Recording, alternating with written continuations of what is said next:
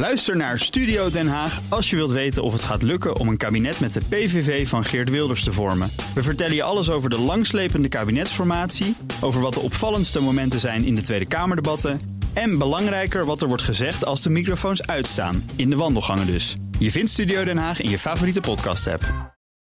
Dit is de Oekraïne Ochtend Update. Mijn naam is Geert-Jan Haan. En ik ben Bernard Hammelburg. We praten hierbij over de laatste ontwikkelingen in Oekraïne. En de gevolgen voor en de reacties van de buitenwereld. Je vindt deze podcast in je favoriete podcast-app. Gisteren kwam ineens een, een uh, verhaal vanuit de Russische legerleiding dat de Russen hun troepen gaan terugtrekken uit Gerson.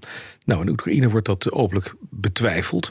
En we gaan erover praten met uh, de mannen van de Perestroikast, uh, podcast hier op BNR. Gert-Jan Haan, onze Europa-verslaggever. En vanuit Kiev komt tot ons Floris Akkerman. Mannen, goedemorgen. Dag Bas. Dag Gert-Jan. Gert-Jan, hey Floris. even naar jou. Wat de Oekraïnse regering, wat zegt hij over, dit, over deze aankondiging van de, van de Russen zelf? Ja, er zijn wat wisselende reacties. Dat is ook omdat sommige mensen heel euforisch zijn. Waaronder de militair adviseur van Zelensky, dat is meneer Arestovich. Die zei op Oekraïnse tv gisteren dat dit een keerpunt van het niveau van Stalingrad zou kunnen zijn. Um, daarmee temper je nou niet echt um, ja, de, de, de, emoties die nu leven bij Oekraïners. En dat is dus waar Zelensky zelf dan weer voor waarschuwt. En ook een andere adviseur van hem, uh, Podolyak.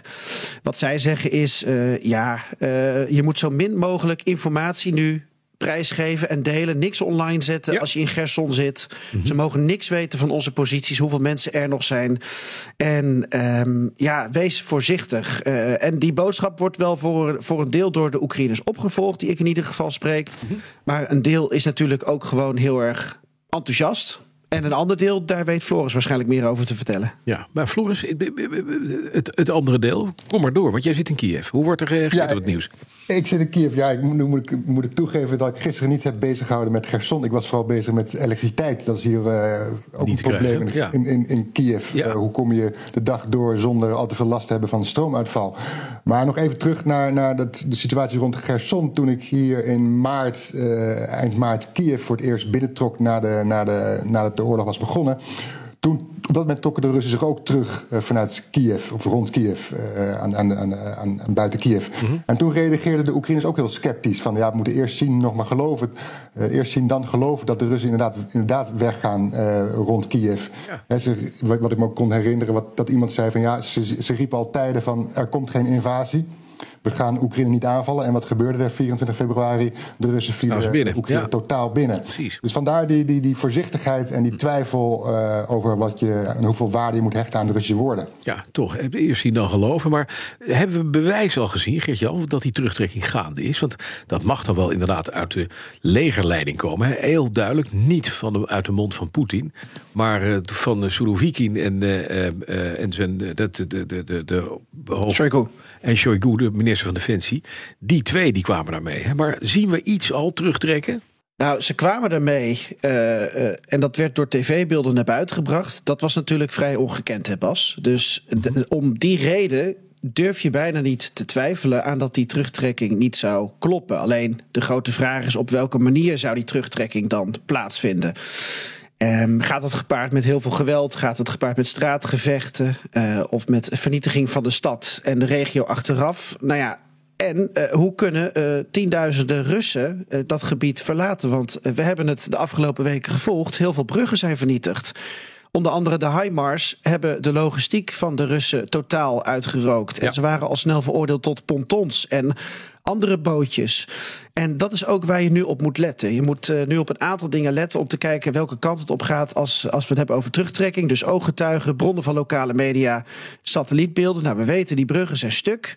Um, we weten dat er een aantal potentiële aanmeerplekken zijn in Gerson. We weten dat er al een aantal ja, veerlijnen, noem ik het maar even, uh, al waren. Um, daar zullen de Russen gebruik van maken voor hun troepen, voor hun voertuigen. Uh, ook zullen ze gebruik maken van veerboten die ook door burgers worden gebruikt. Um, want dat is een soort ja, human shield dan. Mm -hmm.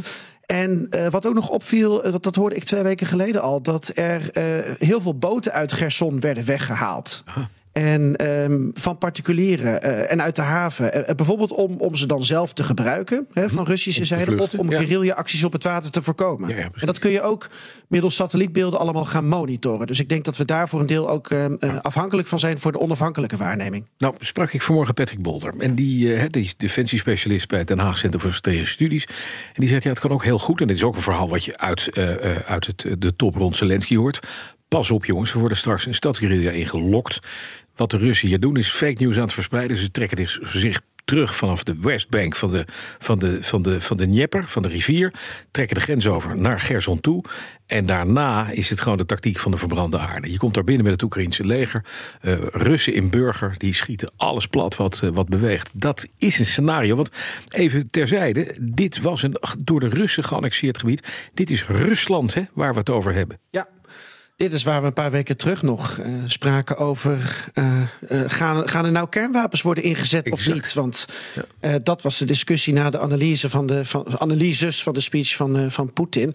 Ik denk dat je het moet zien als zowel een potentiële nederlaag als een potentiële hinderlaag. Mm -hmm. Daarmee bedoel ik uh, de manier waarop het uh, aan de Russen is gepresenteerd gisteren door Shoigu en Surovikin. Ja, dat draai je niet meer terug. Dat spin je niet meer recht. Nee, uh, de Russen gaan links of rechtsom weg uit ja. Gerson. Punt. Ja, ja. Ook omdat ze dan andere fronten kunnen versterken. Mm -hmm. um, maar hoe gaat dat plaatsvinden? En uh, dat zou met heel veel uh, uh, verschrikkelijke dingen kunnen gaan gebeuren. Met booby traps, met snipers. ze kunnen van alles daar natuurlijk achterlaten. En daarom snap ik wel dat iedereen zegt: doe voorzichtig. Maar ik denk dat je die twee dingen wel los van elkaar moet zien, Bas. Je kan een hinderlaag hebben en een nederlaag. Ja, ja nee, dat is duidelijk. Andere, even de optimistische kant. Stel, de Russen trekken zich terug. Ze gaan hier weg. Ze gaan hun troepen hergroeperen op een andere plek. Ze houden die landbrug via Mariupol naar de Krim. En misschien dat ze hier zeggen: nou, dan laten we het hier maar eens even lekker bij. Punt.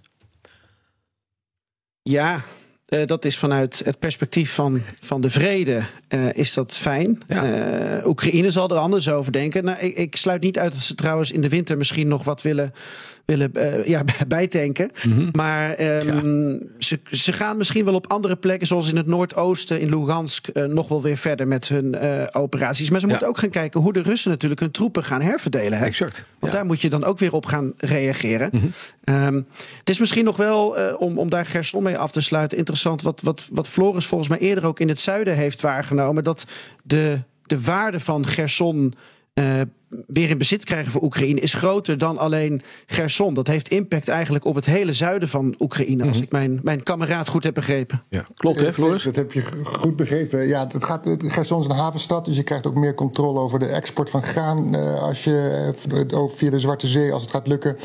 Um, wat Gerson ook heel belangrijk is voor de watertoevoer naar een stad als Mykolaiv. Uh, ik was daar afgelopen zomer en de stad was afgesloten van het water omdat ze geen beschikking hadden over uh, de watertoevoer vanuit, uh, vanuit Gerson. Dus er was geen drinkwater, dus mensen stonden op straat om daar via waterputten hun flessen te vullen. Dus wat dat betreft is ook voor, voor het menselijke ja, leed in, in de regio is Gerson ook een belangrijke stad. Even nog naar jou, Floris, naar Kiev. Want je zei het al, er wordt hier uh, heel hard gewerkt aan het herstellen van de, van de stroomvoorziening ook. Door de Russen consequent kapotgeschoten de afgelopen tijd. Wat, wat, wat merkt de, de uh, uh, Oekraïner in Kiev op dit moment van, de, van, van, van dat verhaal? En dat was altijd een beetje dat was optimisme. Hè? De, de Oekraïners, ook de mensen uit Kiev, die zeiden: we gaan, we gaan hem pakken. We gaan hem, breekt dit de moraal niet heel erg, wil ik maar zeggen? Nee, dat, dat, merk je eigenlijk helemaal niks van. Uh, je, je, merkt wat je van, van die elektriciteitsuitval merkt, is dat uh, bepaalde delen van de stad, of delen van de stad zijn zeg maar vier uur afgesloten van, het, uh, van de stroom. Mm -hmm. Om te voorkomen dat het kwetsbare, beschadigde netwerk uh, wordt overbelast. Ja. Dat netwerk dat de afgelopen weken is aangevallen door, door, door, door de Russen. Um, dus wat je ziet op straat, je ziet generatoren brommen bij een koffiebar. Je ziet mensen met een smartphone als zaklantaarn gebruiken om op de straat de weg te vinden. Want alle straatverlichting is, is uit en de gebouwen geven geen licht. dus wat dat betreft is, het, is het ongemakkelijk.